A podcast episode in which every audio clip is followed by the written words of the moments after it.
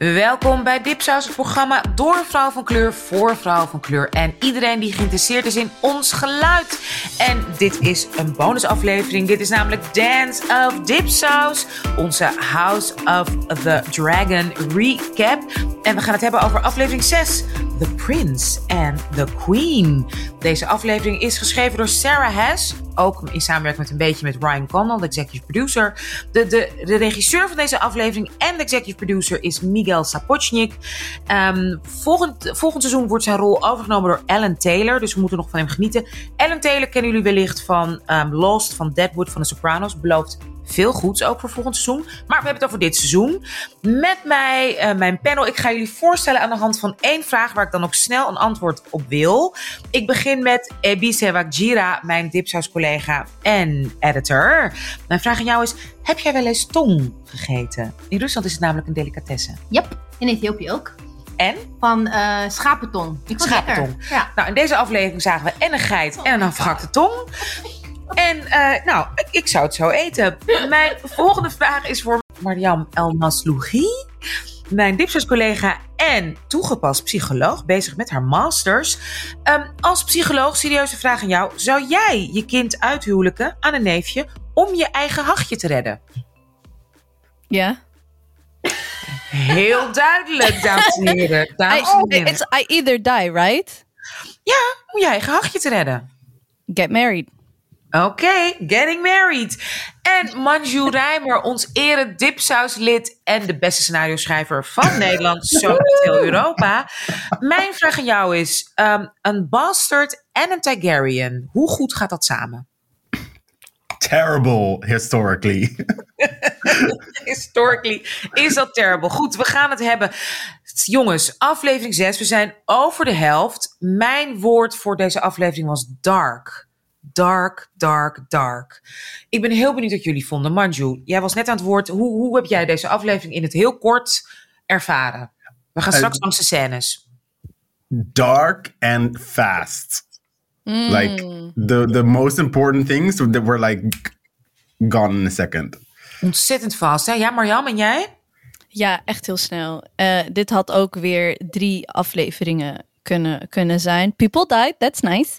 Um, maar verder um, dacht ik echt, wait, wait, oh, we gaan nu weer naar de Queen. Maar waar loopt zij nu naartoe? Maar Alicent is weer daar. Oh, Alicent heeft ook met die... Uh, uh, ja, fast-paced.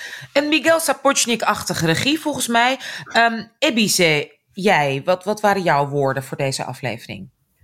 Um, ik wist dat er een time jump zou komen, dus dat het te snel ging, vond ik ik was mentaal op voorbereid, I guess. By now, this is like the third major time jump that we had. Ik vond het. Het, is, het ging wel snel, maar it made sense to me. To be quite honest. Het vloeide wel goed in elkaar. En ik vond, ik was vooral super onder de indruk van de nieuwe Alicent en de nieuwe Renera. De nieuwe ja. Renera is ook nog steeds een muis. Ik durf het niet te zeggen. Het is een grotere muis. Ja, iets grotere, ja. oudere muis. Ja. Maar ik vond het echt, uh, de acting was superb. Ja, Marjam, vond jij ook muizig? Ja, ja, ja, ja. Ik vind het eigenlijk leuker met kort haar. Want je, ik, eh, je hebt nu allerlei interviews met, uh, um, met de act acteur. Want volgens ja. mij is de acteur non-binary. Ja, Emma Darcy. Ja, uh, dus ik vond het wel heel leuk, maar het blijft, het blijft, een, het blijft een muis, ja. Goed, let's jump in. We beginnen inderdaad tien jaar later. Gigantische time jump. En uh, prinses Rhaenyra, gespeeld door inderdaad Emma Darcy, zit eigenlijk in de positie waarin zij in de vorige aflevering was zei dat ze daar niet in wilde komen. Ze is bezig met een bevalling. We vallen midden in haar bevalling van haar derde baby. En it's another boy. En de nageboorte is nog niet eens uit. Of ze wordt op het matje geroepen door de koningin. Queen Alicent, gespeeld nu door Olivia Cook. Bloedend en wel wordt ze zo ongeveer in een jurk gehezen. En wordt ze gewoon lopend hup weggevoerd. Want wat er ook gebeurt, ze wil zelf haar baby laten zien aan de koningin. Um, het is heel in één shot, ik weet niet of door had, in één shot gefilmd met een handheld camera. Ontzettend intiem en in één shot zonder cuts. Uh, dus ik was meteen um, uh, benieuwd, Manju, hoe vond jij die eerste scène? Wordt daarmee de toon wat jou betreft gezet? Ja, echt fantastisch. Ik was wel een beetje van, oh my god, here we go again with the delivery en dat soort van uitmelken ook weer. Maar dat handheld en like, bij haar blijven en soort van de ook langzaam die trap op. Het, het, staat zo goed stil bij het karakter. En hoe ver ze wel niet bereid is te gaan voor haar pride. Ehm, ja, um, I loved it. Ja, Elise, wij keken samen. We hebben samen deze aflevering gekeken in Amsterdam met z'n tweetjes. Ik zag jou letterlijk creperen toen je dit weer zag. Ja. Het is inderdaad die, die, die, hele... Wat is nou de metafoor de hele tijd met, met dat bevallen wat jou betreft? Thing, wat, wat ik echt heftig vind weer hier... is dat they only, it was a close-up of her face... Maar omdat wij allebei moeders zijn en you hear the squelching sound. Ja. You hear the sound. Je ziet niks, maar je En I was thinking van, oh my god, dat arme kind, dat arme kind, dat arme kind.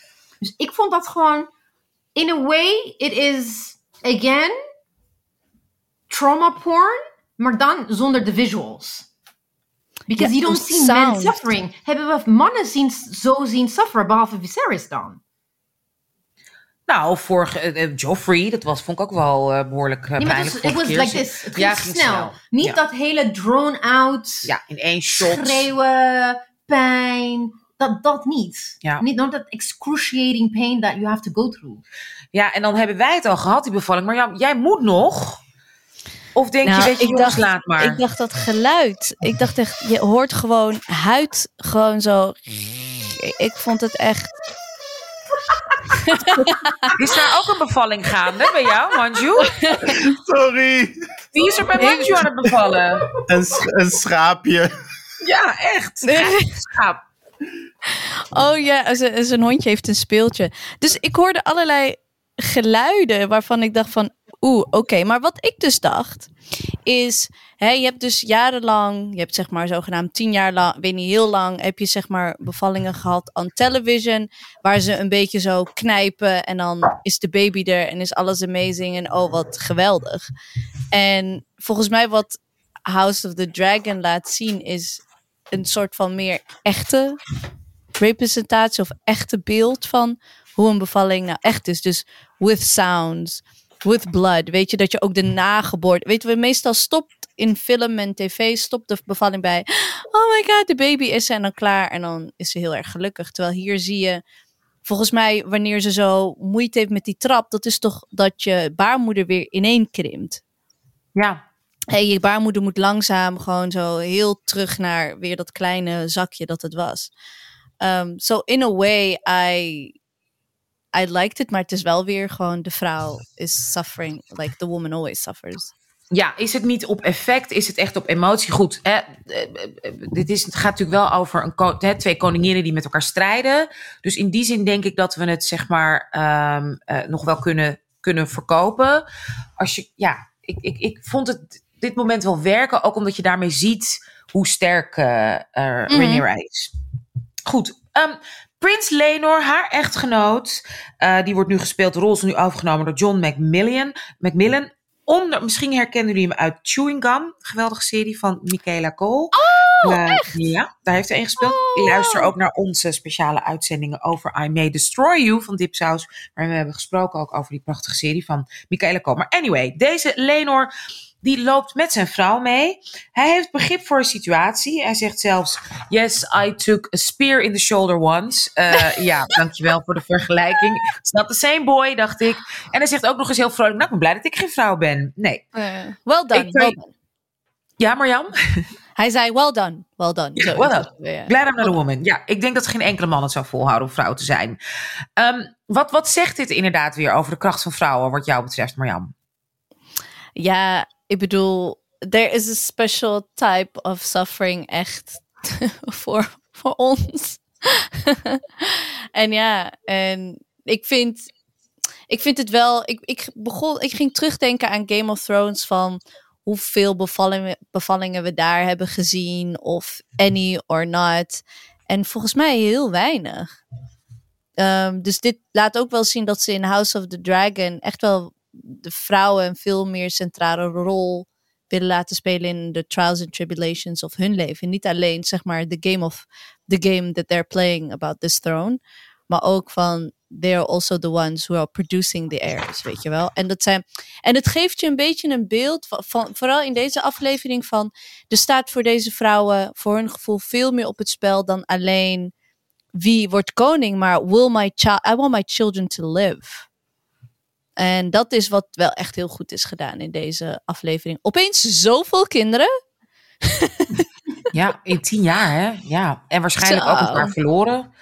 Echt heel heftig. Eh Ebice, inderdaad. Want ieder, hè, er staat heel veel op het spel. Zij loopt met die baby, net bevallen. Ze moet zelf die baby brengen. En iedereen in het hof, je ziet ook dat volle hof met al die mensen, die well-wishers zogenaamd. Maar iedereen let op hoe ze loopt, wat ze doet, wat ze vasthoudt, hoe die baby eruit ziet. Je ziet echt inderdaad, de messen worden al geslepen. Hoe was het voor jou om daarnaar te kijken? En dan komen we ook nog eens, vlak voordat ze bij de koningin komt, zien we ook voor het eerst weer Sir Kristen fucking Cole, gespeeld door Fabian. Frankel. Die is nu de Queen's Guard van Queen Alicent. Zij ziet hem dus, hij staat daar en hij kijkt daar zo heel, zeg maar, een beetje denigrerend aan. Ebice, hoe vond jij zijn intro nu tien jaar later? Zelfde acteur overigens.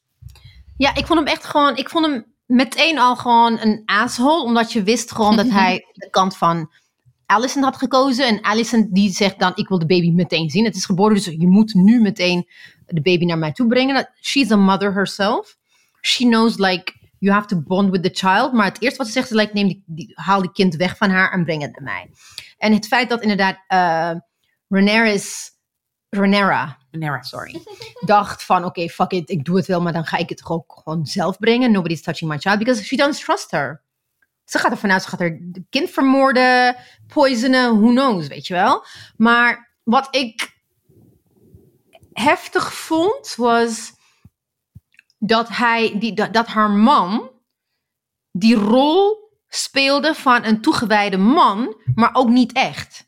Because Mm. het, het werd toen al eigenlijk duidelijk dat he doesn't have the fatherly feelings towards the baby. Because if he was the father, he would have been as nervous as she was. Niet zo vrolijk. Van, hey, well done. eh, Weet je wel zo. En niet dat, dat, dat pijn of van, is she gonna make it or. Hij hij had helemaal niks. Hij dacht van, oh, eitje. Dus ik vond dat, ik denk dat ze dat goed hadden gedaan. Maar ergens dacht ik ook van, is it, too, isn't it, is it really realistic? Ik zat ook van, oké, ik, ik, ik vond het moeilijk om te geloven. Ja. Dat Ja, ze echt ja. gewoon, ze heeft net bevallen, niet eens 10 minuten rust. En ze, hoe kan je opstaan? Hoe, hoe, ze, hoe is ze niet dizzy? ask, like, how realistic was this birth? It wasn't. Anyway, oh yeah. Because uh, ze stond gelijk op. Ze was niet draaierig. Uh, niemand gaf haar water. Is wel de derde, hè? Ja, oké.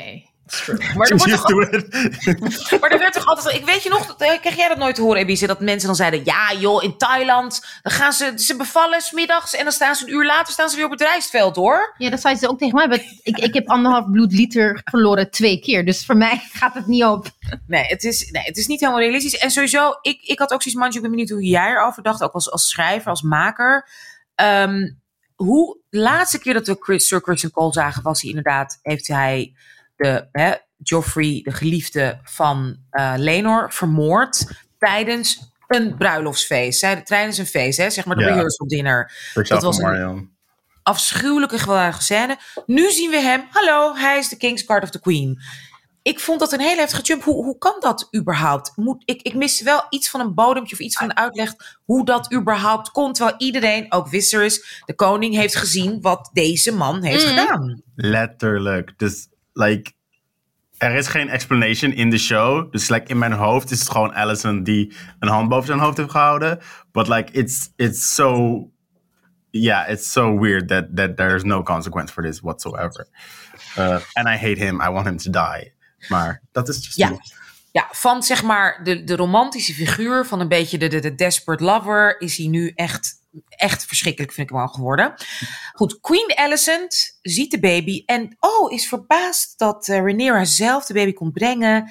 Ehm, eh, ja, er lijkt helemaal niks meer over te zijn van hun vriendschap. Hoe pijnlijk en koud vond jij dit om dit te zien, Marjam? De twee zusjes, vriendinnen, Mm. eh, zelfde positie, allebei moeder, allebei kinderen en nu zo'n gigantische afstand, zo'n kloof. Hoe was dat om te zien? Oh, ik vond haar denk ik vond Alicent keek wel echt oprecht op, toch? Ervan dat dat dat Rhaenyra. Ik dacht, oh, oh, ja, ze vindt het wel. Want hè, die weet het ook als je net, weet je, 10 centimeter groot bent geworden daaronder. Uh, dan 9 of 10? 9. Hoeveel centimeters moet er? Uh, 10. 10. 10 ontsluiting, Oh. ja, ja, ja. Holy shit.